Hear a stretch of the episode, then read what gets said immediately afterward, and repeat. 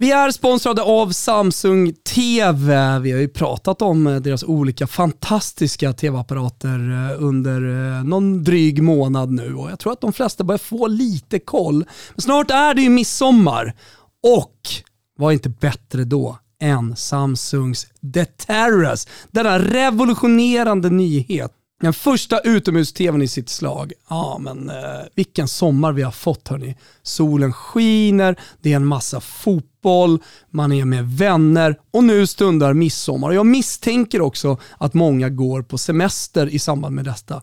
Var inte då bättre än att maxa sportupplevelsen med en utomhus-TV? Funkar det här undrar ni? Jo då. The Terrace har ett vädertåligt hölje som är IP55-klassat. Det innebär att TVn klarar av väder och vind. Perfekt för midsommarvädret. Ja, men det kan ju bjuda både på en skur och sol. Funktionerna är eh, maximal maximala om ni frågar mig. Den har QLED-teknologin vilket möjliggör en otrolig bild oavsett hur ljust eller mörkt det är ute. Så nu kan man alltså kolla på TV utomhus dygnets alla timmar. Och man får klara och fylliga färger, knivskarpa kontraster. Dessutom så har tvn ett antireflektionsfilter vilket minimerar solreflektioner så man slipper störas av bländande ljus. Den kommer i tre storlekar, 55, 65 och 75. Passa på också att köpa The Terrace Soundbar separat. Eh, då får man en ännu större tv-upplevelse utomhus. Och perfekt för att man kan även fixa musiken för att höja stämningar i midsommar. Ja, läs mer om The Terrace och övriga Samsung TV-modeller på tv.samsung.se. Vi säger stort tack för att ni är med och möjliggör Toto Balotto.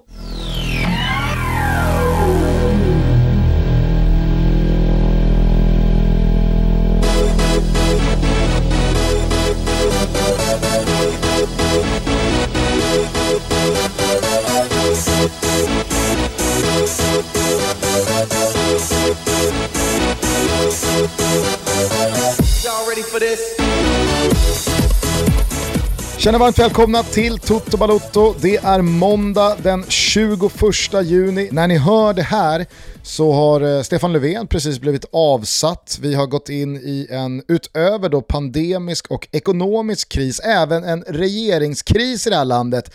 Men allting känns ju sekundärt under ett stort fotbollsmästerskap. I synnerhet när gul och gul och staplar pinnarna på hög. Ja men eller hur. Alltså det, det, är roligt att du säger det, regeringskris och så vidare. Jag såg att Nyhetsmorgon i morse skulle sända extra och sånt där. Och det är ju vad jag sett. Jag är ju totalt inne i den här EM-bubblan. Eh, så jag kan ju inga detaljer, jag förstår inte vad som händer, vad det kommer innebära eller någonting. Och jag tänker faktiskt, vet du vad jag tänker vara Gustav? Jag tänker fortsätta vara i EM-bubblan. Jag tänker fortsätta att inte överhuvudtaget bry mig. Ja. Så jävla skönt ju. Sjuka var att jag satt och, jag satt och följde hela samlingen här och misstroendeomröstningen i, i riksdagen här på, på förmiddagen. Och då tänkte du Thomas, han gör inte det. Nej men jag visste att du hade fullt upp med, med andra grejer. Men liksom EM-stinn som man är så tänkte jag, är det någon i salen som kanske, kanske kör matchtröja? det hade varit mäktigt med en av våra nya merch som har gått ut, det har du sett va Gusten? På världsfeeden, kanske vi har pratat om till och med. Våra nya gul och gula tröjor. Ja, men du pratar Nakata, eh, Nakata-tröjorna ja, ja. såklart. Ja, ja, ja alltså i regeringen ja, det, under en det regeringskris, det hade ju varit mäktigt ju. Ja, och det hade väl såklart varit en ytterligare bonus då om det faktiskt hade varit från Nakatas utbud. Men det, det jag kände var bara, är det någon som kör matcher överlag? Det hade kunnat vara vilken som helst, bara för att liksom så här, någon där är väl också i EM-bubblan men måste pallra sig in till, till, för, för till beta av den lilla regeringskrisen. Ja. Exakt. Ja. ja. jag får väl åka in och trycka på den där jävla knappen då. Men ikväll är det dansken, är det någon som tänker med ja. dansk farsa. Eh, hur mår du annars då? Som sagt, vi är mitt i EM-bubblan. Det är eh, andra dagen av eh, de sista gruppspelsrundorna idag måndag. Igår mm. gick Italien vidare som klar gruppetta, föga förvånande. De fick sällskap av eh, Wales och förmodligen Schweiz. Ja, men det är väl det som jag liksom tycker den största kritiken ska handla om eh, när vi är så här många lag i EM liksom vilka som går vidare. Eh, nu är det väldigt många som tror att Danmark kommer vinna över Ryssland. Det skulle då innebära att de kom tvåa med största sannolikhet eftersom Wales, eh, vad säger jag, eftersom eh, Belgien med största sannolikhet slår Finland. Då är det så här, okej okay, du kommer tvåa på tre poäng, gå vidare, men du kanske inte går vidare på fyra poäng och så vidare. Nej. Alltså det, det, det, det blir lite svårt att köpa hela logiken. Samtidigt så kan jag väl känna så här, i Danmarks fall så har jag inga problem med att de skulle gå vidare som tvåa, för att de blir ju tvåa i sin grupp. Blir man tvåa så blir man ju tvåa. Absolut, då, ska, absolut. då ska man ju gå vidare. Men jag kan ju hålla med, hålla med dig om att det finns något skevt i att Alltså, vissa sitter och svettas med fyra poäng och mm. i en grupp så kan du gå vidare som tvåa på tre. Men vet Men... du vad jag tar med mig? Ja. ja. Jag tar med mig eh, Fantomens ord här, att eh, Sverige med 97% sannolikhet i alla fall vidare till eh, åttondelsrundan. Ja, vi kan väl bara snabbt uppdatera folk på vad som gäller inför ikväll då. Alltså, eh, om eh, Ukraina eller Österrike vinner deras match ikväll, eh, om eh, Danmark slår Ryssland eller om Belgien slår Finland, ja då bättras ju eh, de här chanserna på ytterligare och eh, tar Sverige vidare då till 100%. Inte då de trygga 97, någonting som Fantomen levererar. För att eh, då, då, då står ju eh, Finland, Ryssland och och eh, Österrike eller Ukraina då på tre poäng. Det är väl därför väldigt mycket talar för ett kryss mellan Ukraina och Österrike ikväll. Just det. Just det, men det som är väldigt kul, eh, tycker jag i alla fall nu, när vi går in i sista rundan, det är ju att det är två matcher samtidigt eftersom grupperna ska avgöras och man inte ska kunna spela på resultat. Eh, och eh, de här första åttondelsfinalerna kommer ju liksom bli klara. Italien får Ukraina eller Österrike. Det är, väl, det är väl mer eller mindre klart, så ser i alla fall tidningarna idag. Ja men då har vi första åttondelsfinalen klar kan vi gå vidare mot nästa runda? Jag börjar tröttna lite på gruppspelet. Nej, jag börjar inte tröttna. Jag är så jävla glad. Eh, alltså jag håller med dig, det är fint när det är två matcher samtidigt för att man inte ska kunna spela på varandras resultat. Men igår var det ju en eh, jävla svår eh, grej att svälja att det bara var liksom en matchslott. Ja, vad händer nu klockan 20.00? Vad ja. gör vi nu? Vi tipslördag satt där. Ska vi stänga av sändningen eller ska vi, ska vi kika på något annat som pågår. Men ikväll så är vi i alla fall tillbaka då med att ja. eh, Grupp C avgörs eh, med avspark klockan 6, således drar sändningarna igång redan klockan 5 och sen så är det då en ny satsning mot Grupp Bs avgörande med avspark 21.00. TV4 och Simor öppnar studion 20.00 och så kan man ligga och gosa hela vägen in till midnatt. För att nu finns det också väldigt mycket att ta ner efteråt, inte bara spekulationen Exakt. utan nu kommer ju faktiskt öden ha avgjorts. Nu, ja, kommer, nu kommer vi veta saker. Nu, nu, ja, tar liksom, nu, nu, tar slutspelet form. Så det blir, ja. ju, det blir helt andra sinnesstämningar och eh, intryck som präglar efterspelet av de här matcherna. Ja, men det är väl det eh, jag menar egentligen. Att eh, Alltså det har varit så mycket spekulationer egentligen sedan i april, eller ja, man skulle kunna argumentera för att det har varit över ett år. Men just att allting handlar om spekulationer framåt, att man kan vara lite konkret och prata om, eh, om det som har hänt faktiskt. Det är också ganska trevligt kan jag tycka. Men ja, det, det, är, det är några länder här nu som lever lite farligt. Kikade in på den gruppen som var dödens grupp med Portugal, Frankrike, Tyskland och Ungern. Alltså det finns faktiskt en sannolikhet att eh, Frankrike slår Portugal och att Portugal inte går vidare som en av fyra bästa grupptreor. Mm. Det, det, det, det, är ändå, det är ändå en risk Portugal går in med inför den sista, eh, inför, inför den sista matchen. Å andra sidan så vet ju Frankrike att de vinner gruppen på ett kryss. Eh, så att det, det, det finns väl ändå Snackar Biscotto här eller? Ganska rimliga incitament för att de, de hittar ett oavgjort resultat och att Portugal får sina fyra poäng. Ja, men jag är Frank, lite så Frankrike får sina sju och ja. gruppsegen. Jag, jag, jag, känner mig ju mer trygg i att Frankrike-Portugal på ett snyggt sätt kan spela oavgjort än vad jag gör i matchen Ukraina-Österrike. Det känns spontant som två ganska dåliga lag på att spela på oavgjort. Ja, men det känns också som ett, någonting nytt inom fotbollen. Jag vet ju såklart att det inte är nytt, men, men i alla fall att vi pratar om det mer än någonsin. Det här Biscotto-grejen, att så här, om de gör det och de gör det. Du var inne på det här med England, att de eh, kanske inte spelade max mot Skottland för att ha möjlighet att komma tvåa och då få en bättre väg från slutspelet och framåt. Alltså jag har i alla fall aldrig varit medveten eh, om att det har pratats så här mycket om eh, hur man ska lägga upp taktiken inför, eh, inför slutspelet. Det var ju lite så också för Italien igår ju, om de hade släppt fram Wales eh, så hade de eventuellt då fått en bättre väg, lättare läge både på kort och lång, lång sikt i slutspelet.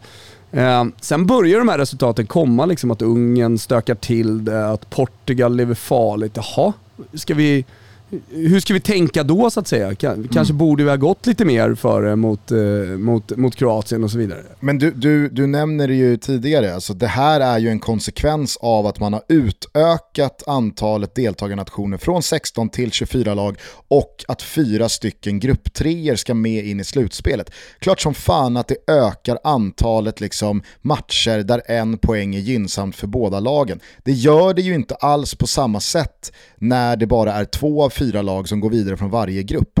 Då är liksom poängen viktiga för en själv och så skiter man lite i vilka man möter och vad det får för konsekvenser för dem.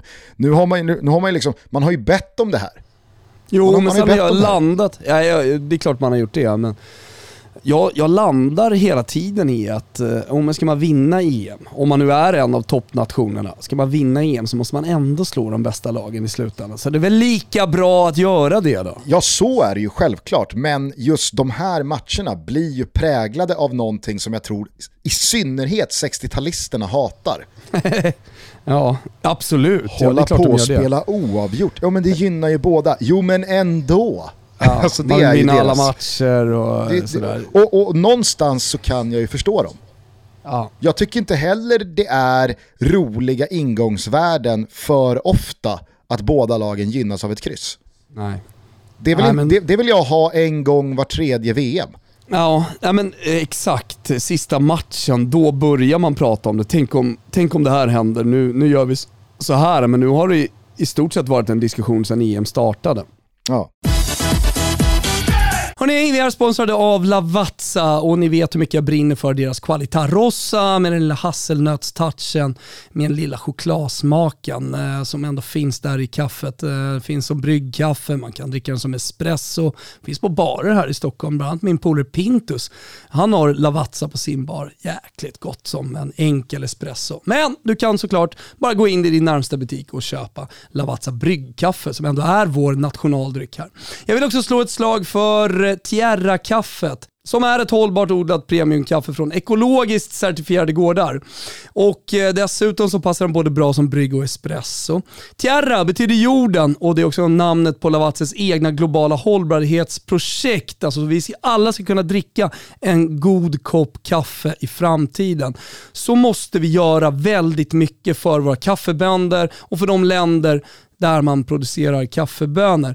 Eh, och det gör verkligen Lavazza med sitt Tierra-projekt. Eh, det är en holistisk approach och det ligger i våra händer faktiskt, men kanske extra mycket då i Lavazzas med det här projektet. Eh, det är ett supergott kaffe, gå till din närmsta butik, testa det här.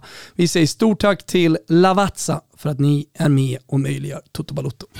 Vi är sponsrade av Explora Barnets första mobiltelefon, eh, det är en GPS, man kan få eh, igång barnet att aktivera sig med stegräknaren och för varje steg man tar eh, så samlar man mynt och i appen så kan barnen då förvandla de här mynten till prylar. Till exempel Lego eller Nintendo eller någonting annat. Eh, GPS-sändaren vill jag slå ett eh, väldigt starkt slag för. Eh, det är härligt, det känns som en trygghet som förälder när barnen är på väg hem från kompisar eller för all del skolan. Man ska passa på att köpa Explora X5 Play, man ska passa på att göra det nu. Man får 400 kronor rabatt i det här sommarerbjudandet hos Explora, Elgiganten, Kjell Company och Jolly Room. Passa på nu, vi säger stort tack till Explora för att ni är med och möjliggör Toto Balotto. Men du, jag tänker att vi kan väl eh, återkomma till eh, dagens matcher och det som stundar framgent här. Men att vi börjar med att backa bandet till i fredags. Kanske ännu mer börja med att be om ursäkt för det uteblivna då eh, nedtagningsavsnittet i lördags som inte ja. blev av i och med att livet kom emellan för eh, Thomas Wilbacher. Nej, men man vill ju så mycket. Va? Man eh, lägger ju ribban högt och siktar mot stjärnorna, men allt, allt, allt som ofta så landar man i Gugges potatisland eh, och inte ens i trädtopparna eh, när man har ambitioner. Det är i och för sig ganska trevligt där också, men ändå. Men hur var fredagen då? Vad, vad, vad gjorde du för nummer av matchen? Hur upplevde du den? Vad, vad, vad mm. var dina intryck och känslor efteråt? Nej, alltså, imponerad faktiskt av Sverige. Man ska komma ihåg att Slovakien gör en bra första match kommer in med självförtroende och är dessutom, och det tror jag vi alla är överens om efter den här matchen, ganska, ett ganska underskattat eh, landslag. De är inte en av de här strykpåsarna. Eh, och, och, att ändå samla ihop det som man gör och komma ut i den andra halvleken och göra den andra halvleken som man faktiskt gör. Alltså, det, jag är imponerad av Sverige. Alla i det här landet hade tagit fyra poäng efter två matcher alla hade gjort det. Och eh, enligt då Fantomen har 97% sannolikhet att ta sig vidare till åttondelsfinal. Och inför matchen mot Polen har stor chans att vinna gruppen. Alltså det, det, det är ett dunderutgångsläge och det är en jättebra start för Sverige. Dessutom fick vi in lite självförtroende på Emil Forsberg som fick sätta straffen, som haft en tuff start på mästerskapet. Jag tror att det kommer se betydligt bättre ut mot Polen. Eh, vi, vi, fick se glimtar av Robin Quaison som kom in i den här matchen som såg fantastiskt ut och som visar på den bredden som vi har talat så mycket om, som vi faktiskt tar i anfallet. Ja, Marcus Berg hade tuffa 60 minuter kanske. Ja, men då har vi en pigg spelare på bänken och vi lirar faktiskt 90 minuter. Eh, allt är inte start eh, på Erik Hamrens vis. Eh, vist, jag lite här. Nej men och, och, och, att Svanberg och Kulusevski med största sannolikhet också liksom kan starta, eller i alla fall Kulusevski kan starta från minut ett och det blir den här konkurrensen i anfallet. Så att, nej, jag, jag är jättenöjd med, med Sveriges öppning och jag tycker att den här första matchen, lidelsen mot Spanien, har, har stärkt oss. Alltså vi klarar av en slovakisk press i en kvart, 20 minuter utan problem. Och är det någonting man ska ta med sig rent defensivt eller spelmässigt om man så vill från den matchen så tycker jag är det faktum att vi faktiskt inte har ett enda skott på mål. Alltså eget mål. Ja exakt, alltså att uh, vi, vi, uh, vi nollar Slovakien i ja. antal skott på mål. Exakt, ja visst de har mycket boll där, de trillar, det känns lite... Men hur var det med den där Robin Olsen-räddningen då? Alltså den bokfördes inte offside, som ett va? avslut på mål eller? Offside va? Ah okej, okay. den hade, just det. Just mm. ja, jävla fin räddning var det i alla fall. Ja, eh, ja men det var, det var, ju, det var ju mysigt. Och, och det tror jag, det, det, är också någonting man ska ta med sig av allt det du rabblar upp här. Att vi faktiskt har hållit nollan i två matcher, att vi bygger ett jävla självförtroende defensivt, att Robin Olsen har liksom den här känslan som han förmodligen hade för tre år sedan också, att fan här har jag spikat igen. Här ska ja, det inte in någon jävla boll. Herregud, inför, inför Eh, Eh, premiären mot Spanien och liksom de eh, stora tveksamheterna som ändå har funnits så har det varit i defensiven. Ska vi spela med Mackan Danielsson, Kina-degen, eh, men har inte spelat på hög nivå på länge. Kommer det funka mot Spanien, mot det bästa laget? Kommer det funka när vi blir tillbakapressade i matcher? Ja, vi släpper, vi släpper till noll mål. Uppenbarligen, vi, vi kan lida mot Spanien, uppenbarligen så klarar vi oss ganska bra. Mm. Och defensiven funkar. Och framåt har vi inte varit tveksamma överhuvudtaget. Vi har bara gjort ett mål så här långt. Jaha, hur ska det funka? Jo, men det såg vi i andra halvlek mot Slovakien. Vi kommer skapa jättemycket chanser. Men har man haft en jobbigare känsla i kroppen kring en enskild spelares start på en match än vad man hade kring Koffe Olsson? Nej. Alltså, jag, jag, bara, jag bara skrek här ute på Hattudden efter, liksom, strax efter varningen. Ta ut honom nu! Nu, nu måste han ut. Det hördes hela vägen till Bosse Andersson. Ja. ja men herregud, alltså, han skulle ju faktiskt ha åkt ut. Ja, ja. Alltså verkligen. Och att Janne har kylan att eh, liksom inte ens plocka honom i paus.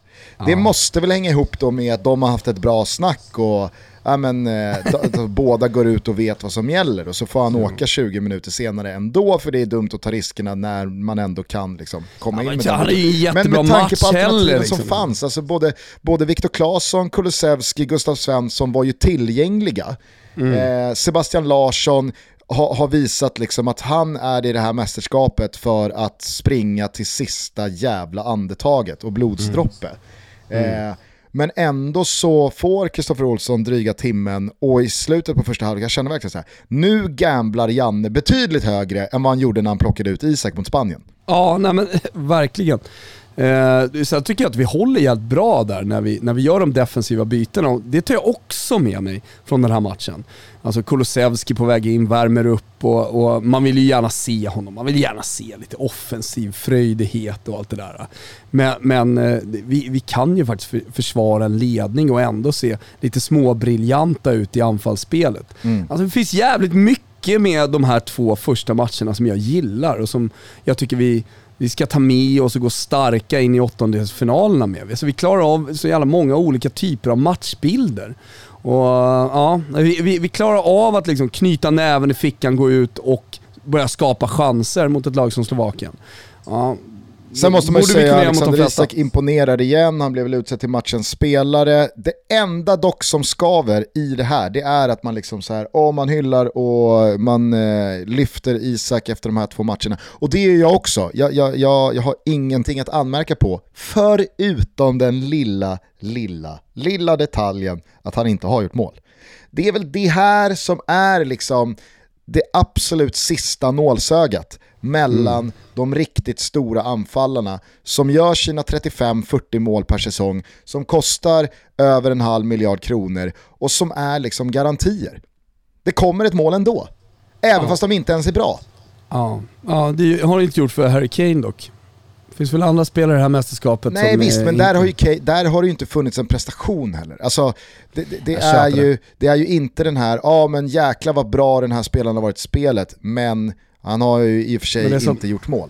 Du förstår alltså, vart jag vill komma? Absolut, absolut. Eh, men, men i den här matchen så får han liksom ta tag i offensiven lite själv och hämta boll ner på mittplan och, och liksom driva bort två, tre gubbar och hitta, hitta skottläge. Sen det bästa läget som han faktiskt har, det, det slarvar han ju bort. Mm. Han ska ju bara lägga bollen i sidan så är det ju mål för Quaison. Det tycker jag, det tycker jag är ett direkt dåligt eh, beslut och det, det tycker han säkerligen själv också efter Jag tror, att, jag tror att det jag menar, det är väl lite som att så här, ja men jag, jag, jag tror ingen i Italien idag, italiensk press, liksom hyllar Kesa eller Belotti till skyarna.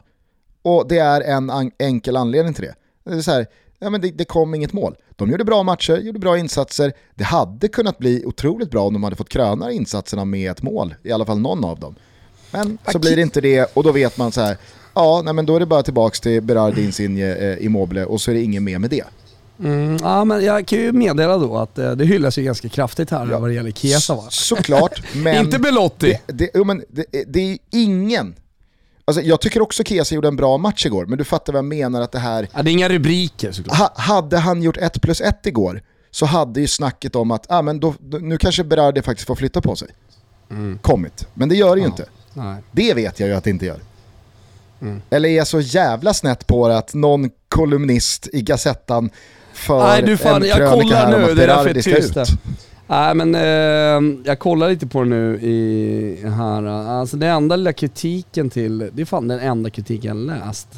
Eh, det är varför Roberto Mancini startar honom till vänster, för de byter ju kant sen, eh, Bernardeschi och, och Chiesa. Um, nej, det, du har rätt Gusten. Du är helt rätt på, i din medieanalys av Italien här. Tycker du att Quaison hoppar in och tar Marcus Bergs anfallsplats oh, mot ja. Polen? Oh ja, alltså det, kollar du på Polen dessutom eh, så är det en ganska trög backlinje. De spelar ju med trebackslinje för de som inte känner till det. Det Kamil, Kamil Glick som är... inte trög. Ja, oh, han är trög. Han är, han har blivit, det var länge sedan du såg, jaha. alltså han är ju en finlandsfärja, kom igen alltså. Det, det är liksom, granen kliver in och ser, ser lätt i steget ut jämfört med, med, med Glick. Eh, så, och jag menar så här, kan vi, kan vi då få in Quaison som dessutom är pigg? Och kommer du ihåg när Jan Andersson satt här i vår podd och pratade om att det, det är ett långt mästerskap? Okej, okay, jag kanske inte startar den och den i premiären, men det är ju tre gruppspelsmatcher. Eh, så det är dags för Sverige, tror jag också, om man vill gå långt i den här turneringen, att, eh, att vila vissa spelare. Marcus Berg har sprungit sjukt mycket i de första två matcherna. Om, även om Jan Andersson känner att Marcus Berg är min gubbe i åttondelsfinalen, Eh, så, så, tror jag att han också tänker att eh, i den här matchen, av flera anledningar, jag menar, fan, vi hade Peter Wettergren här, eh, ett jävla geni, känner att ja, men det här är också en match som passar Quaison lite bättre. Polen är piskade att vinna, vi kommer kunna gå på omställningar, kommer kunna låta dem ha boll. Vi är trygga fan mot Spanien och låta dem ha boll. Det kan vi vara mot Polen också. och sen ställa om och ha både Alexander Isak och eh, Quaison som är starka i djupled. Eh, och det, ja, jag, jag, jag, jag, skulle bli förvånad faktiskt om inte Quaison startar. Okej. Okay. Eh, ser du några andra förändringar i elvan då med tanke då på spelarna du äh, men det är då. nämnde tillbaka här? Ja, det är Koffe såklart. Eh, att man spelar med, med eh, Claesson ute till höger och så trycker man in Sebastian Larsson centralt och så får man ytterligare då en, en, en, en lite starkare defensiv touch på det här laget i, i centralledet trots att man, man, man släpper lite på det på kanten med, med, med Claesson då som är bättre i offensiven. Så, eh, det är väl två ändringar som jag tror är, är möjliga inför, inför Polen-matchen men jag tror inte att det blir så mycket mer. Eh, och sen så verkar det ju faktiskt som att Kulusevski är här som anfallare. Alltså, han, han, kommer aldrig spela ute, i det här mästerskapet, kommer aldrig spela ute till höger om det inte är så att det är en desperat jakt på ledning, eller eh, på mål med 20 minuter kvar i, i, i en åttondel eller en kvart. Hörrni, den här veckan samarbetar vi med Kia. Välkomna tillbaka i Totobåten. Eh, ni som lyssnar kanske vet att över 70% av de bilar Kia säljer idag är laddbara elektrifierade bilar. Och som Sveriges tredje största bilvarumärke så är Kia med och driver utvecklingen mot att så många som möjligt ska köra laddbara bilar. Av den enkla anledningen att det är en investering i framtiden. Kia vill därför uppmana att bli en del av en laddbar rörelse. Han kan ju låta lite stort då kanske, men eh, jag tycker att det är viktigt.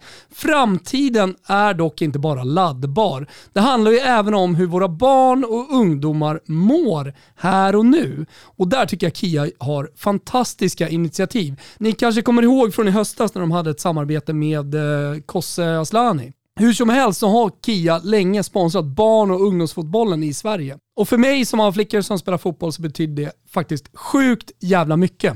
Vad det gäller Kosse och samarbetet med eh, Kia så är ju hon en fantastisk ambassadör för eh, barnfotbollen. Hon brinner för frågorna rörande barn och ungdomars rätt att spela fotboll på lika villkor. Att alla ska få känna sig inkluderade och framförallt få känna glädjen kopplat till fotbollen. Därför har Kia och Kosovare Aslani tagit fram Aslani-kontraktet och det är som namnet antyder ett kontrakt med utgångspunkt i barnkonventionen.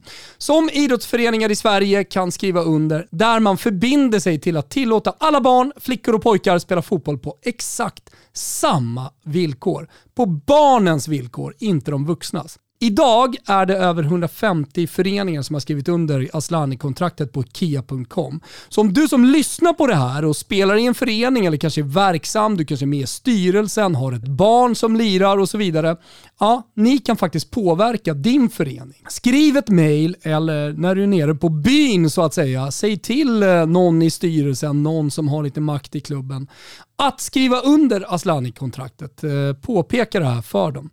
På det sättet så låter vi fotbollen tillhöra barnen och på det sättet säkerställer vi att så många som möjligt spelar fotboll så länge som möjligt. Det gynnar barnen, samhället och i slutändan vårt landslag.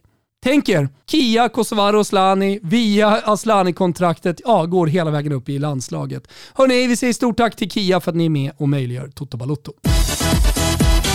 Vi kan väl bara dra lite förutsättningar för er som har eh, missat det. Alltså Sverige vinner gruppen eh, oavsett hur det går i andra matcher ifall man slår Polen. Man mm. kan också vinna gruppen eh, på ett oavgjort resultat.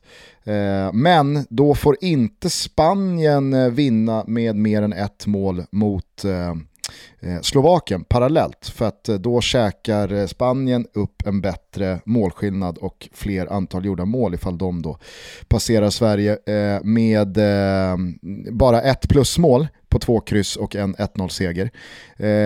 det är ju som så också att vi förmodligen när den här matchen ska spelas mot Polen kommer vara säkra för att gå vidare som en av de fyra bästa treorna i och med våra fyra poäng. Men det som är intressant det är ju de olika vägarna framåt. Eh, ingen kan ju slå fast hur den här liksom bästa treorna tabellen kommer se ut i och med att det är så många matcher kvar och att de då ska portioneras ut. Det man däremot kan slå fast det är att om Sverige går vidare som en av dem, då är det match redan 27 juni och jag tror inte man ska underskatta de 48 timmarna i skillnad på då att som gruppetta spela den 29 juni i Glasgow kontra den 27 juni i antingen då Sevilla eller i Budapest. Går vi vidare som tvåa, vilket vi gör eh, vid eh, ja, kryss och då Spanien gör sitt mot eh, Slovakien.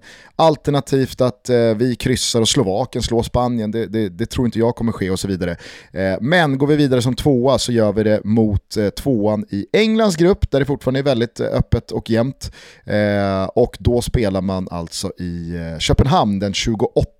Så att just nu så är jag ju väldigt intresserad av att slå Polen för att inte bara få en trea som motstånd utan kanske framförallt få 48 timmar. Gör ju jätteskillnad. Alltså när det är så här intensivt som det är, dessutom resdagar på det, eh, så, så gör ju de där 48 timmarna extremt eh, stor skillnad. Eh, du, det kommer breaking news här ser jag. Jaså? Eh, absolut. Eller Skottland eh, eh, har fått lite coronafall. Bill Gilmore har Nej. Eh, åkt dit och med, han är ju liksom stora stjärnan, och, eller unga stjärnan ska sägas. Eh, och eh, det räcker inte med det. Andy Robertson och John McGinn har varit, måste också själv isoleras, för de har varit i kontakt med Bill Gilmore. Aj, aj, aj. Och missar matchen mot Kroatien. Och då pratar, då pratar vi alltså om MVP Andy Robertson, vice MVP, matchens lirare senast mot England, John McKinn, och eh, han blev ju man of the match. Jag tycker McKinn var bättre, men Billy Gilmore, den unga spelaren, eh, som eh, ja, uppenbarligen är the shit. Han var ju också jättebra mot England. Eh, alla, de kanske tre bästa spelarna i Skottland missar matchen mot Kroatien. Men och det är inte så att det är världens eh, bredaste trupp. bortfall i all ära. Jag har ännu mer breaking news här. Albin kliver av eh, träningen. Jaha. Vad innebär, alltså kliver av träningen med vad? Eh, två dagar till match mot Polen, nu läser jag till här på Fotbollskanalens eminenta rapportering. Då tränar inte Albin Ekdal för fullt på grund av en känning, det meddelar landslaget. Albin Ekdal ah. kommer att kliva av träningen efter uppvärmning som en försiktighetsåtgärd på grund av en... Äh, då så, Asså. då är det lugnt. alltså, Albin har för fan all... haft en känning sedan BP-tiden. Ja, ja, alltså spela Gothia Cup-final 1997, eh, då hade han en känning, sen har han haft det sedan dess. Träningspassen Albin Ekdal har fullföljt, då kan man räkna på en hand. Ja. Så att, aha, det här var lugnt, det var lugnt, det var lugnt. Ja. Då är det värre i Skottland då.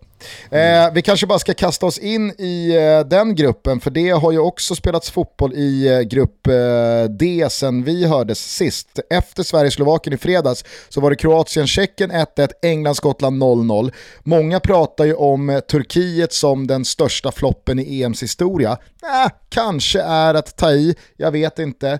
Det var väl väldigt många som slog fast att Turkiet med det laget man hade på pappret har en jävla högsta nivå. Det har man ju visat eh, i, i både EM-kval men kanske framförallt här i VM-kvalet så sent som i mars.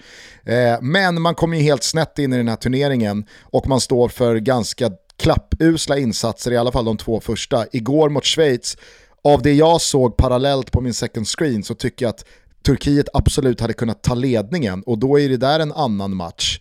Men mm. när Schweiz väl gör 1-0, då tappar de ju huvudet, eh, både liksom moralmässigt men också taktiskt, fotbollsmässigt. Ja, fuck, alltså. fuck off eh, rött hade man ju sett framför sig. Ja, men alltså det, ser du Sejunchos stötbrytning ja. mot eh, Shakiri när han, han kommer fri i slutet på första halvlek? Missar ja. det läget, men alltså så här, det, det, det, det, är, det är knappt pojkar 12 nivå på det beslutet. Ja, det är smärtsamt. Eh, smärtsamt. Men jag vet inte riktigt om man ska liksom utse eh, Turkiet till den sämsta insatsen i EMs historia. Det tycker jag kanske är lite väl stora ord. Ah. Även fast vi var många som trodde att kommer Turkiet upp på liksom, sin högsta nivå, ja men då är det väl klart som fan att de ska kunna eh, kliva över både Wales och Schweiz. Ah, ja. eh, men nu blev det inte så. Jag tycker däremot att Englands två gånger 90 minuter hittills är fan en större missräkning och besvikelse. Ja, och jag vet inte hur mycket man ska liksom värdera då det faktum att det som du var inne på, att man är, ja, inte vill vinna gruppen, få en bättre resa i matchen mot Skottland. Men jag känner inte för att värdera det speciellt mycket utan jag bara omfamnar eh, Eh, det du säger här att eh, det, det, det, det är ett England som eh, klev in i mästerskapet som favorit. Återigen då uppenbarligen överskattade och övervärderade av fotbollsvärlden. Det är ett jättefint lag, de har jättemånga spelare, de har, de, de har en bredd i truppen och sånt där. Men jag skulle, skulle kunna jämföra med Italien. Nu har de visserligen skapat sig Eh, den här, det här utrymmet, eller Mancini har skapat sig det här utrymmet att lufta truppen. Men att man, man, man går in i åttondelsfinalen efter att ha använt 25 av 26 spelare. Kommer ihåg när Janne Andersson satt där och, och pratade om att själv pratade om att så här, jo, men fan 18, Eh, efter 18-19 eh, och neråt så är det spelare som med största sannolikhet inte kommer göra en minut i det här mästerskapet. Jag vet inte om det var exakta ord, men det var typ det han sa. Eh, och Roberto Mancini bytte, bytte dessutom in Salvatore Sirigu i den här matchen, alltså keepern mot Donnarumma. Och den enda som inte har spelat nu är tredje keepern Merret. Och jag skulle inte förvåna mig med en 2-3-0 ledning med fem minuter kvar mot eh, Österrike att han förnedrande nog byter in Merret också, så han har använt hela truppen. Eh, men, men Jadon Sancho, han har sett en bänk i det här mästerskapet. Känns inte Mancini spontant som en jäkla mobbare in disguise? Jo, in disguise, absolut. Men det är jävla fint. Jag kan tycka att det jag vet inte, jag, jag värderar sånt också inför, inför slutspelet.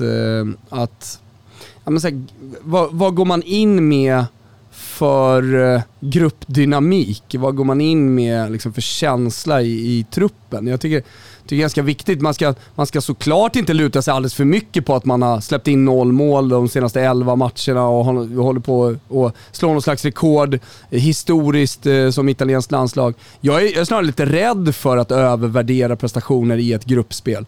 Eh, som du, du var inne på Portugal tidigare som ja, men krånglade sig vidare, vann väl en match över 90 minuter eh, och sen så gick det till straffar och förlängningar och sådär.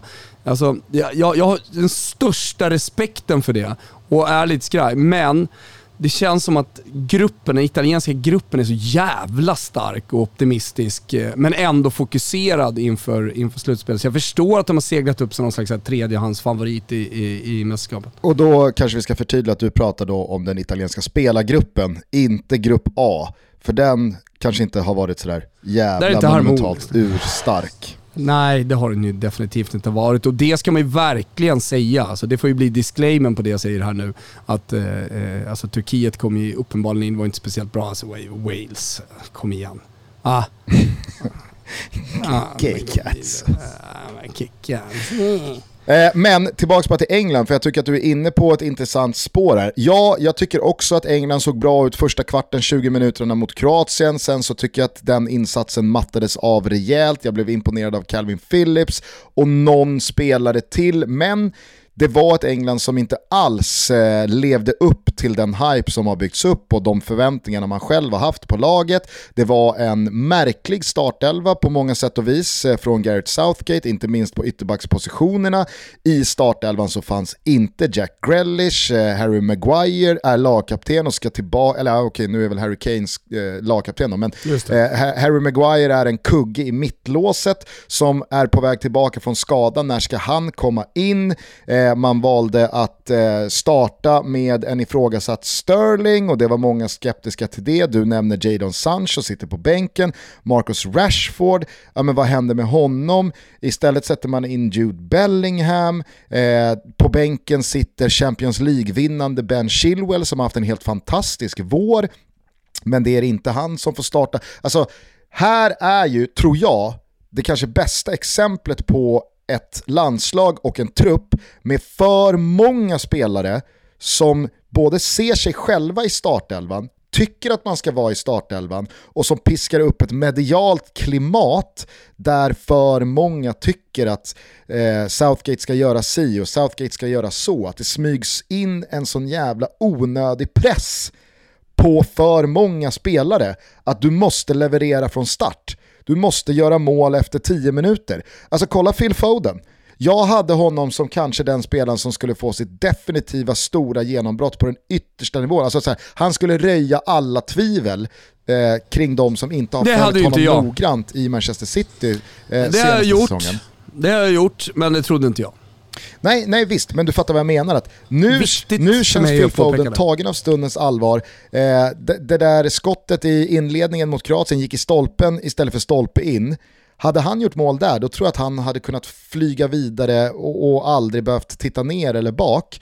Istället nu så är det så här, äh, men, eh, har du inte, det, det blir någon slags Kim Källström, Anders Svensson situation på typ sex gubbar i engelska laget.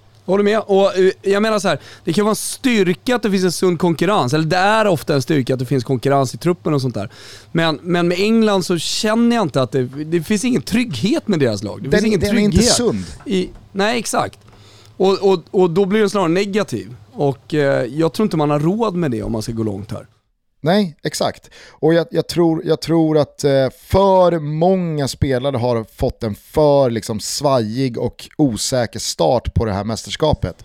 För mm. att jag ska se att det på en match ska liksom eh, hinna sätta sig ett lag på ett sånt sunt sätt att man stärks av det. Och att man mm. går in i slutspelet som rejält slagkraftiga. Alltså kolla bara på Italien, nu, nu, nu, är det säkert många som lyssnar på det här som tänker fan vad det runkas Italien och ja, fan vad ja, de absolut. uppar Italien på alla sätt och vis. Men där kan man ju verkligen prata om en sund konkurrens. Det finns dugliga ersättare till alla spelare på alla positioner. Men 95% av de ersättarna vet också att det är precis det de är. De är ersättare. Mm. Mm. Du Nej, kommer men, få ett eh, inhopp, du kanske kommer få en betydelselös eller mindre viktig gruppspelsmatch. Men känns det att alla det köpt det också? Eh, alla, alla, alla spelare i Italien har liksom köpt de rådande omständigheterna, hur truppen ser ut och hierarkin ser ut. Ja, kanske inte Verratti och Chiesa, men det är perfekt i form av sund konkurrens. Ja, absolut, absolut. Men, men de, de ställer inte till några, med några problem. Nej. Utan de står där tillsammans med resten av truppen och sjunger Not Magic, genuint glada och nöjda över att ha spelat den här matchen. alltså, Ja men det, det, alltså det, det sjuka är ju att så här, ja, Erik Niva han drog ju till, jag har gjort det typ, jag, jag googlade på Thomas Wilbacher, Not i Magic. Eh, det, har ju skrivit, det har ju skrivits i mästerskapskrönikor tidigare. Eh, eh, så såg jag att Erik Niva gjorde det efter premiären då i Rom. Eh, och det fanns ju alla anledningar att göra det. Eh, och så tänker man att det är bara vi som håller på och liksom hämtar, hämtar hem VM, eller, ja, VM 90. Men, men det är det ju inte. Eh, det, det, är ju rubriker varje dag med Not i Magic. Eh, och, och, senast då så stod ju hela den italienska truppen och sjöng tillsammans hela låten. och la ut. Så att, eh, då, då, får man väl liksom, då får man väl helt enkelt bara italofiliskt runka vidare på det. Va? Ja, jag, jag, tycker i alla fall ur ett liksom så strikt fotbollsmässigt perspektiv så tycker jag att Italien är ett ypperligt exempel på ett lag som har fått till en oerhört sund konkurrens i laget. Ja. Medan England har hamnat helt snett där. Ja. För det känns Nej, som att ingen vet vilket lag han ska ställa på banan mot Tjeckien. Och Nej. vilket lag han än ställer på banan mot Tjeckien så är det fem spelare som går ut till den första halvleken och känner nu måste jag vara så jävla bra direkt här. För att mm. annars så blir det liksom, annars blir det strul. Mm. Och så ska det inte vara. Nej. Nej. Men när du summerar det här, alltså det finns ett lag som vi inte pratar speciellt mycket om. Det blir mycket Frankrike-Tyskland. Tyskland skulle vi faktiskt kunna säga något ord om. Ja, deras... snacka om att resa sig efter en... Eh, alltså fan, fan Var vad många, fan vad många som tyckte Tyskland gjorde en bra premiär mot Frankrike. Jag, jag, jag, jag, jag är mer inne på, var den så jävla dålig? Alltså det, är väl, det, är väl, det är väl snarare det jag är inne på. Alltså att de mötte bra Frankrike och var väl inte jättedåliga. Men det var ingen bra premiär heller. Nej. Däremot så är man ju ruskigt bra mot Portugal. Men det är någonting som förvånar mig eh, väldigt mycket med, med det portugisiska spelet. Det är att de helt släpper vänsterläge liksom, i straffområdet. Alltså Tyskland får komma fram hela tiden. Det är som, de skiter i det. Ja. Nu är inte Cancelo med och det är såklart en...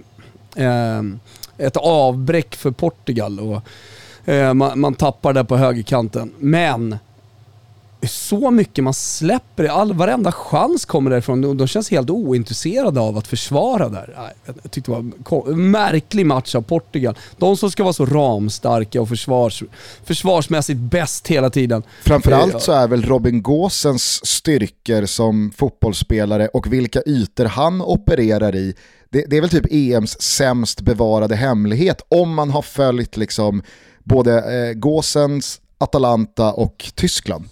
Ja, Så det, det, det, var helt otroligt hur man inte inom det portugisiska laget kan korrigera det på 80 minuter. Ja, Eller 60 minuter. Ja, men alltså så här, stora stygga tysken igång och eh, de ska man definitivt inte räkna bort. Eh. Fan vad bra Joshua Kimmich är. Alltså, ah, det...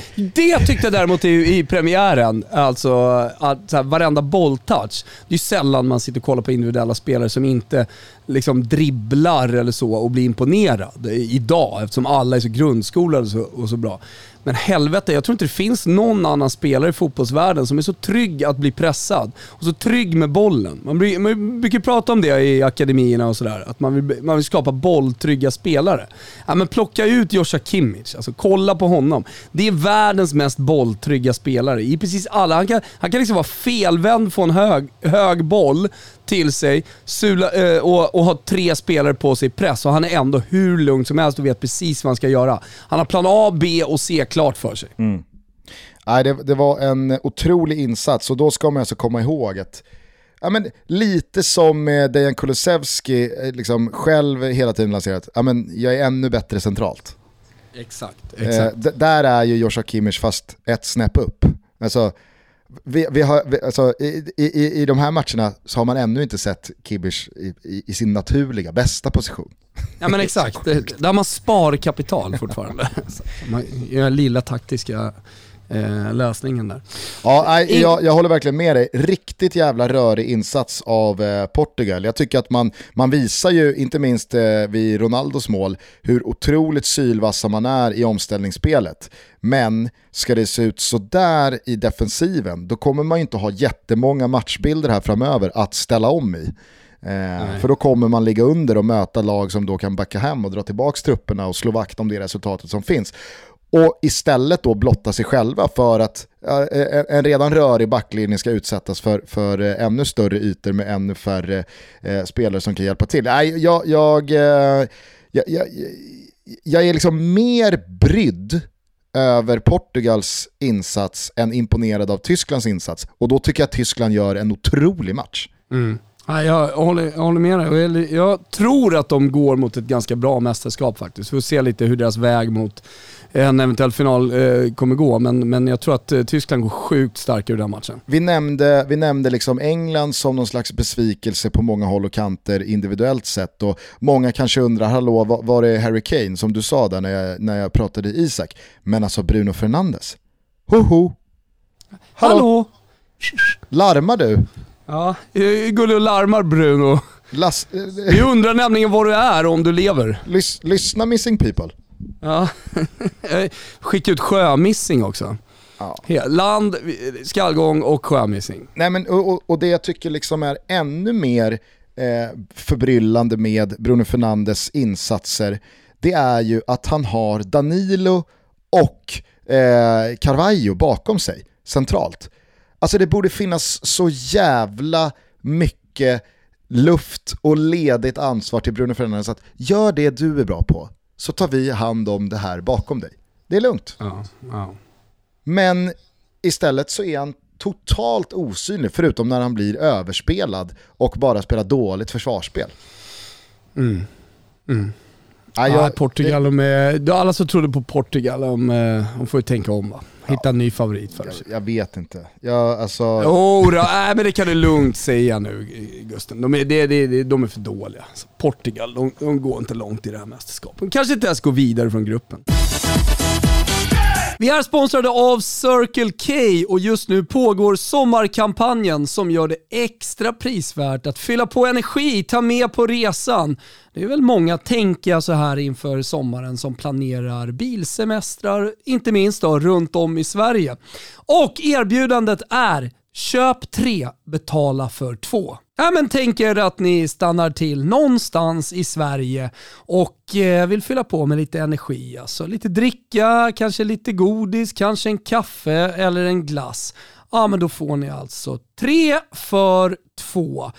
Och det vill jag verkligen, verkligen lyfta. Sommarlotten är tillbaka! På Circle K får man alltså en sommarlott vid varje köp. Och hörni, när ni är där ute på vägarna och stannar till på Circle K, glöm inte att blippa bilen. Numera är det så enkelt att tanka bilen på Circle K. Man eh, svänger bara upp, appen Easy Fuel hittar pumpen och sen löser man allting med några klick i appen och sen går man bara ut och tankar. Det är som en Formel 1-tankning. Just nu är det 3 för 2 på Circle K. Det är eh, läskedrycker, det är choklad och det är godis, det är iskaffe och glass. Ja, en massa grejer som man alltså får 3 för 2. och samtidigt vet ni också om att man får sommarlotten vid varje köp. Vi säger stort tack till Circle K som är med och möjliggör Toto Balotto. Vi är sponsrade av Gillette eh, men framförallt King C Gillette. Nu har de lanserat det enda varumärke som får bära grundarens namn 120 år efter hans banbrytande uppfinning. King C Gillette är en one-stop shop för allt du behöver för att raka, trimma och vårda ditt skägg. Jag är inne i mästerskapet va, så jag håller på att spara lite skägg, men jag använder beard trimmen, Säg det inte till någon. Jag håller lite schack på skägget ändå. Det är en otroligt bra beard trimmer och man kan fuska med slutspelsskägg, det går. För er som vill ha lite längre skägg och verkligen vill ta hand om det, ja men då vill jag rekommendera Beard and Face Wash som eh, tar hand om hygienen. Soft Beard Balm för er med eh, som sagt lite längre skägg. Beard Oil finns. Eh, transparent Shave Gel. Och sen så då de olika rakhyvlarna. Neck Razor, Shave and Edging Razor och så Double Edge Razor. Utforska Kings i Gillette-sortimentet på Apotea. Gå in på apotea.se och eh, ja, men klicka runt bland Kings i Gillette-sortimentet. Vi säger stort tack för att ni är med och möjliggör Toto Balotto. Eh, utöver eh, Portugal-Tyskland 2-4 eh, så hämtar vi från lördagen eh, Ungern-Frankrike 1-1. En av de större resultatmässiga knallarna eh, hittills i eh, mästerskapet. och så Spanien-Polen, samma resultat 1-1. Några bestående intryck från de här två? Nej men eh, Luis Enrique kommer till det här mästerskapet med 24 man, skiter i två stycken. Eh, kryssar första matchen mot Sverige, visserligen efter att ha pressat ner dem, men ändå. Eh, och, och, och sen så följer man upp det med att spela 1 mot Polen. Alltså, då är man ju på väg mot eh, lite av ett fiasko, i alla fall som det ser ut så här långt. Eh, och sen, eh, när ska de hitta tillbaka och vara vinnande, tunga, mäktiga Spanien? Jag, jag ser dem liksom inte riktigt göra det. Sen eh, är ju det växlar som dras efter två matcher, absolut. Jag är medveten om det också, om man ska krångla sig vidare och allt det där. Det, det, det, det finns också med mig även när det gäller Spaniens prestation och, och spekulationer framåt kring dem. Men nej, jag vet inte. Jag, jag får ingen feeling för Alvaro Morata och, och Moreno och, och ligan. Nej, nej, inte jag heller. Visst, nu missar de en straff och de kan vinna den där matchen och så är det fyra poäng på kontot och, och, och, och frid och fröjd. Men eh, ja, jag tycker de, eh, jag, jag, tycker de precis som mot Sverige, ser liksom, de, de ser skraja ut för att liksom vilja ta risker. Du måste ja, våga någonting. Ja, men exakt. Ge mig bollen så ska jag försöka slå den här utslagsgivande ja, men Det är passningen. ingen som vill ta tag i det. Nej. Och det är därför jag tycker det är bara ännu konstigare att Thiago Alcantara sitter på den där kvisten. Ja men exakt. Jag, jag, fattar inte eh, varför han gör det. För att han är ju en av få spelare som både kan och vill slå de där risk, riskabla passningarna som slår ut två lagdelar eller som sätter en spelare fri eller som faktiskt gör att man hittar den där lösningen i 85. Men, ja, ja, ja, det är märkligt. Däremot, däremot, eh, och nu vill jag komma dit va. Däremot så vill jag ju uppa Holland här eh, efter två matcher. Och Frenkie de Jong kanske framför, framförallt. Alltså det är många som hyllar Kevin De Bruyne efter hans senaste prestation och att han har kommit in och allt det där och han kommer kunna bli EM-kung. Absolut, det tror jag också. Vilket men, jävla mål han gör. Alltså, ah. nypa den med vänstern på det sättet. Ja, ah, men galna KDB igång. Ah. Men bakom honom alltså, om man ska sammanfatta de två första omgångarna så, så finns ju såklart Locatelli som gjort det bra och gjort mål och sådär. Men alltså Frenkie de Jong, på tal om att vara trygg med bollen. Och han är ju bra på allt också. Han är bra i defensiven, han är stark i kroppen. Otrolig jävla touch. Jag tycker han, jag tycker han har inlett det här mästerskapet så jävla fint alltså. Jag tycker han är... Ja, jag kollar extra på Holland. Det, det finns någonting med det holländska laget som jag gillar också. Mm. Ja, jag att, har jag vet, jag vet eh, stora förhoppningar på Daniel Malen ikväll. Ja, det är Daniel Malen. Eh, vi, vi pratade ju i Tutski Balutski om eh, vem som skulle spela bredvid de Ligt och vi pratade om Danny Blint och Daily. pratade inte speciellt mycket, Daily ja. Eh, pratade inte speciellt mycket om eh, de Ligt som kommer från en jättesäsong med Inter Scudetto-vinnare. De Frey. Herregud alltså, holländarna. De står som spön i backen i skallen på en här. Det är lite mosigt dessutom. Eh, eh det, det är kanske dags för en kickstart av hypofysen Gugge, mm. här borta. Eh, men eh, nej, och sen spelade alla tre. Jag tyckte det var lite roligt. Ja, verkligen. Alltså, vi fick lite kritik också för att vi inte hade pratat om De Frey. Och man har kollat lite tillbaka också Eh, på hur de har spelat så de har inte kört trebackslinje. Och sen så eh, går eh, Frank de Boer ut med, med alla tre. Tyckte det, var, tyckte det var intressant i alla fall och det blir ju en trebackslinje som helt plötsligt då eh, utan van Dijk blir extremt svår att penetrera. Mm. Nej men och så pendeltågen längs kanterna, fan eh, Denzel Dumfries eh, har ju verkligen, eh, på tal om att få sitt definitiva genombrott i ett mästerskap, fått det här på de första 180 minuterna. Jag tycker att Memphis Depay har gjort det jättebra. Eh, Klar borde för Barcelona. Ha, ha petat in en eller två bollar, absolut, men eh, han ser ju ut att vara i toppslag och då har vi inte ens nämnt Wijnaldum. Eh, som, som också, eh, jag, jag, jag, håller med dig, jag tycker att, eh, jag tycker att Holland imponerar eh, och har gjort otroligt bra hittills och satt sig i en jävla lyxig sits där man kan då, precis som Mancini och Italien, lufta truppen och få igång ett par spelare till och ha matchtempo på 15, 16, 17 gubbar och framförallt få vila några, några trötta ben här när, när det börjar tajta till sig. kan du ungersk media? Har du någon liksom relation till ungersk media? Eh, nej. nej men om jag, jag om hade jag... ju i Tipslördag med oss, eh, vi har haft med oss två olika ungrare. Sebastian Nemet nere från eh, Skåne och, och en till. Va?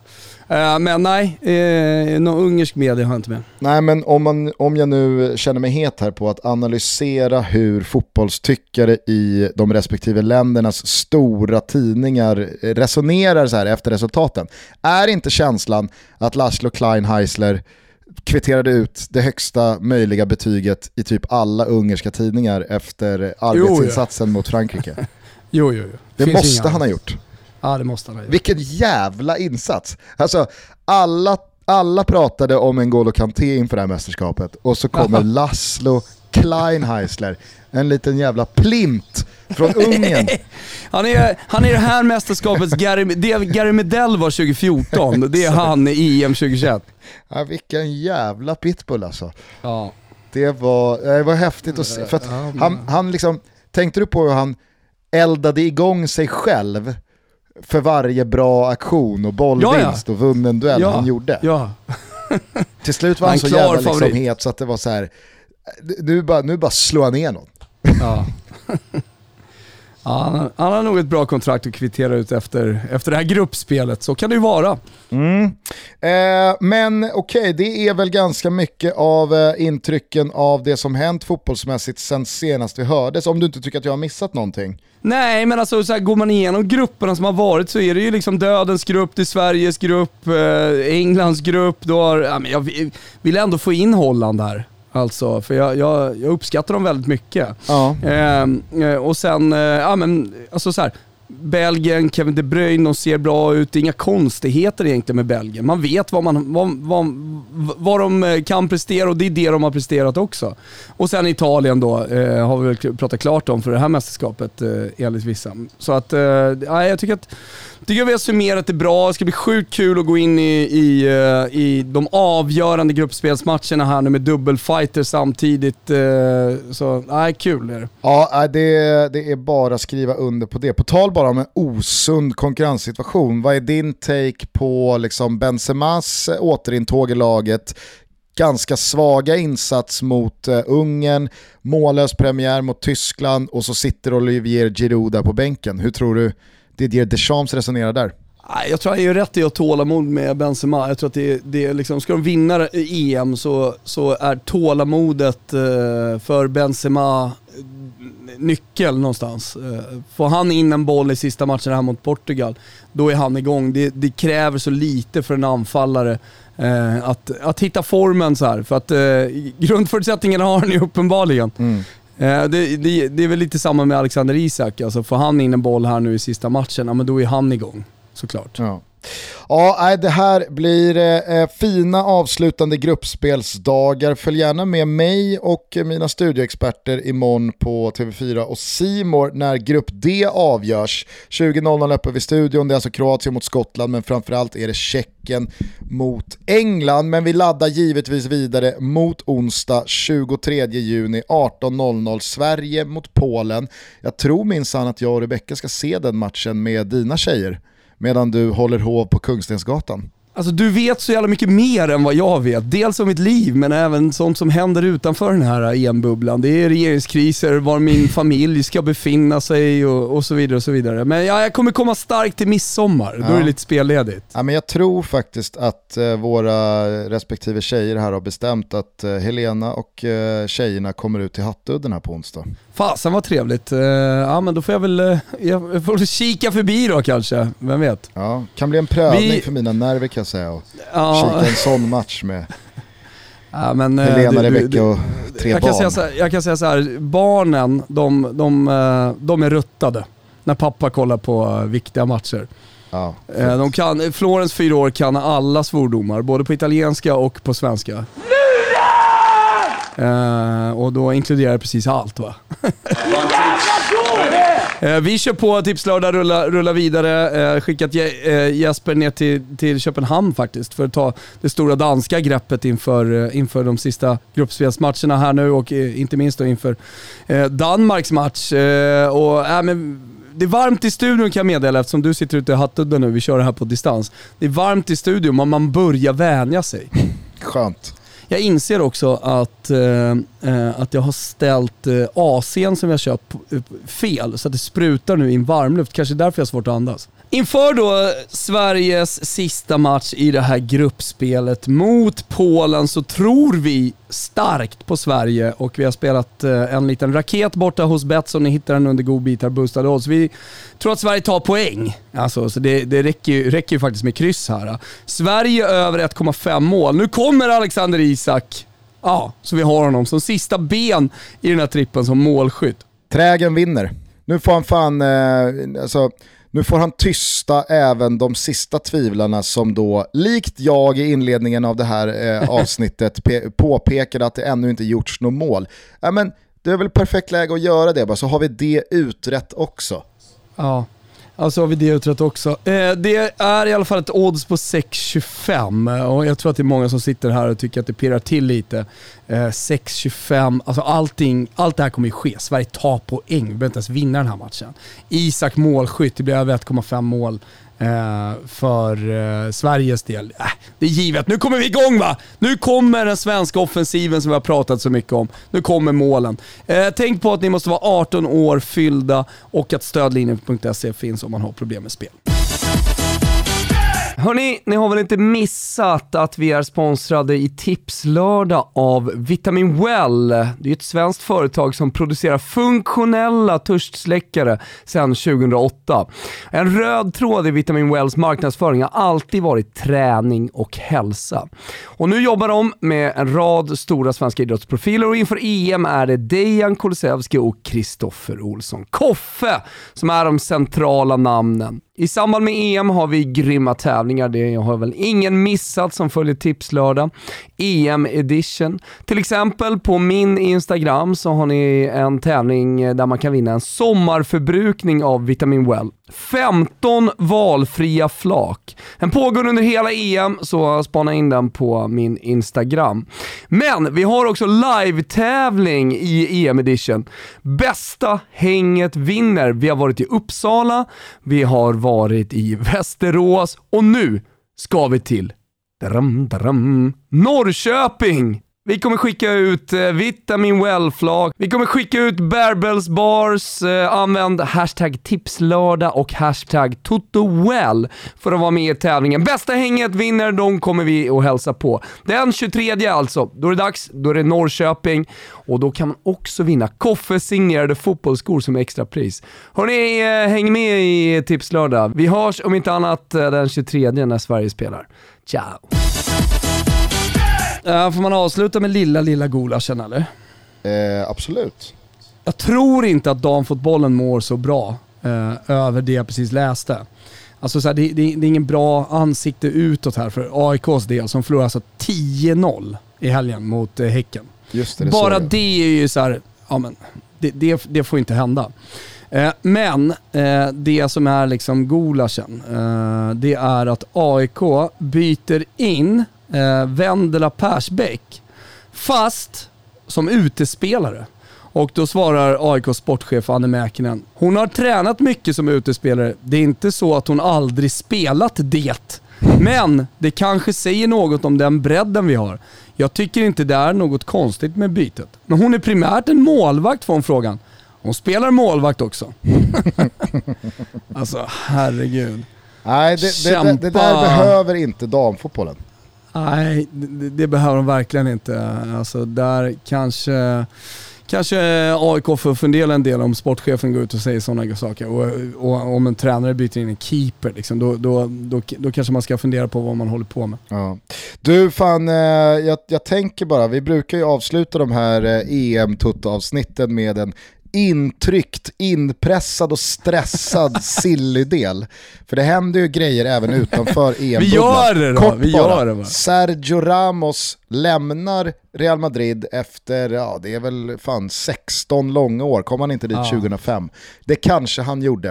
Eh, och är då alltså free agent, kan signa för vilka han vill. Ja, jag fick upp pulsen igår när jag bland mina Roma-konton på Twitter eh, följde att eh, Mourinho har eh, approcherat honom.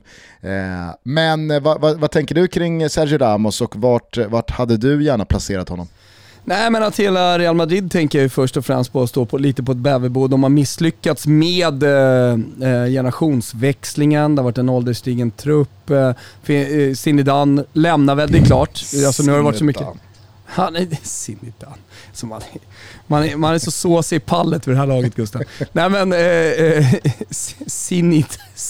Zinedine Zidane lämnar ju och eh, eh, det, det, ja, men jag tycker det finns mycket att ifrågasätta. Och, om man, om man nu ska ersätta Sergio Ramos eh, så vill det till att man pungar upp ganska mycket pengar. Men det är inte bara den positionen som behöver stärkas upp om man ska vara Galacticos inför nästa säsong också.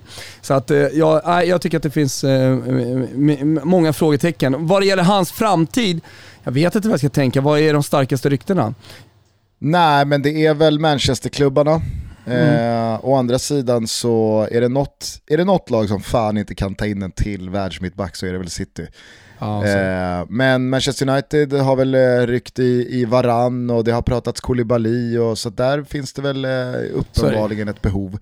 Eh, skulle väl kunna tänka mig att eh, Sergio Ramos eh, vill testa ett, eh, liksom ett, ett äventyr men också en kultur och ett land Mm. Eh, ja, ja. Att, eh, det, det kanske tar det mexikanska spåret, det är alltid trevligt. Det är uppfriskande när spelare gör det. Men sen har du ju Memphis Depay som jag skrev tidigare, eller som jag skrev, som jag sa tidigare i avsnittet där. Mm. är väl klar för Barcelona.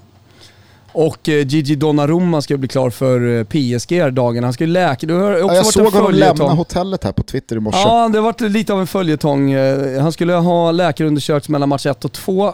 Det blev inte så. Alltså, nu som du, som du mycket riktigt säger så försvann han iväg från hotellet för att göra läkarundersökningen och kunna presenteras av PSG. Det är väl ingen dålig PR-grej att mitt under, mitt under mästerskapet presentera det som de kommande 15 åren kommer vara en topp 3-målvakt i världen. Nej. men jag tänkte bara på det kring Sergio Ramos och Real Madrid. Är det inte jävligt märkligt hur Florentino Perez fortsätter att liksom eh, vinka av klubbens ikoner och legendarer på ett sånt jävla ovärdigt sätt?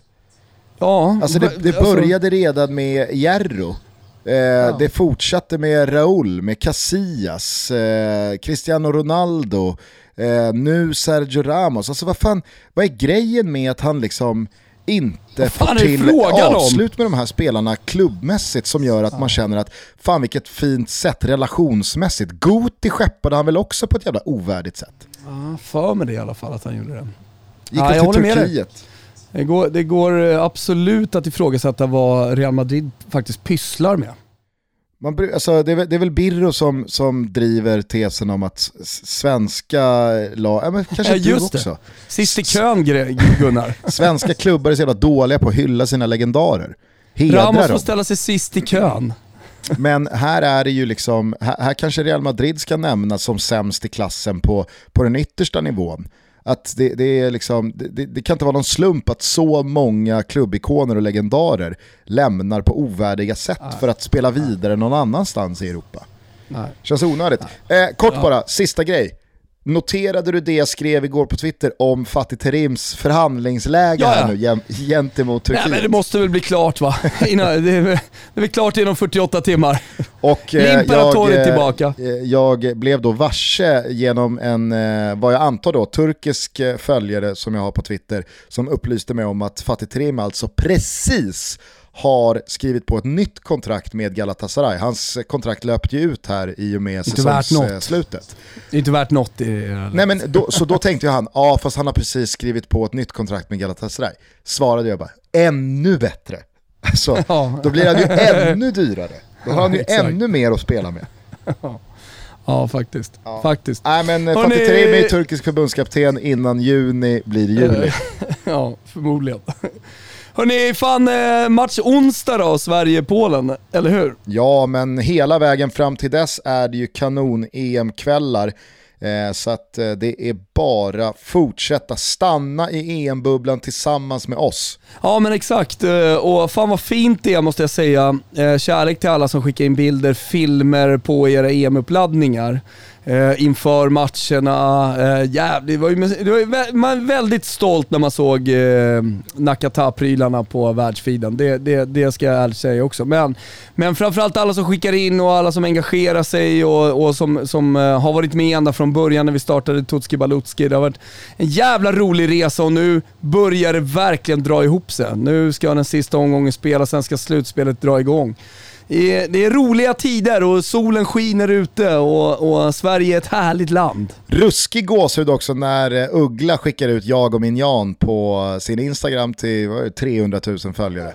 Ja, ah, herregud. Eh, då mådde man och du som eh, har skrivit eh, låten och sjungit in den eh, mådde ju såklart också, eller hur? Nej, men alltså, det, det, det var bara jävligt eh, mäktigt och kul, men det är precis lika mäktigt och roligt att se alla videosnuttar som du är inne på.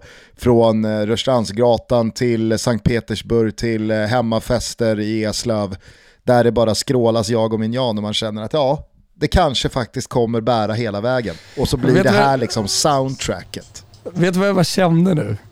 Jag kände att vi, eh, spe, går vi ut på jag med Jan idag, då, då, då, tar vi det, då tar vi det ett steg för långt. Ja, äh, då går absolut. vi över en gräns. Så, så. så, därför blir det privatfest med Ken kanske ett mellanting då. Vi kanske kör blues och Martin Mutumbas eh, mot alla odds. Jag vet inte.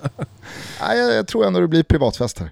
Ja, Okej, okay, ja, men fan vad härligt. Vi kör den. Eh. För du har, du har väl också noterat att Kenta Kofot har lämnat alla uppdrag i Linkan?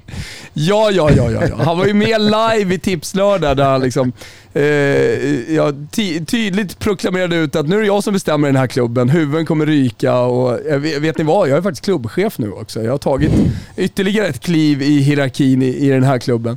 Det dröjde inte länge. Sen var det över. Eh, och Carlos Banda lämnar med honom. Äh, vad fan, det är klart det blir en hyllning till, till Kenka Kofot där, eller hur? Exakt. Vi hörs igen på torsdag förhoppningsvis efter att Sverige lämnat Grupp E som etta och tagit ja. klivet in i det slutspel som sen stundar. Ha en jävla fin tid fram till dess. Ta hand om varandra. Ciao tutti. Ciao tutti. Klockan var sex, kom precis hem från systemet. Festen var på med det glada beskedet. Brudar skulle komma vid nio tiden ungefär. Samling vid torget, självklart var jag där.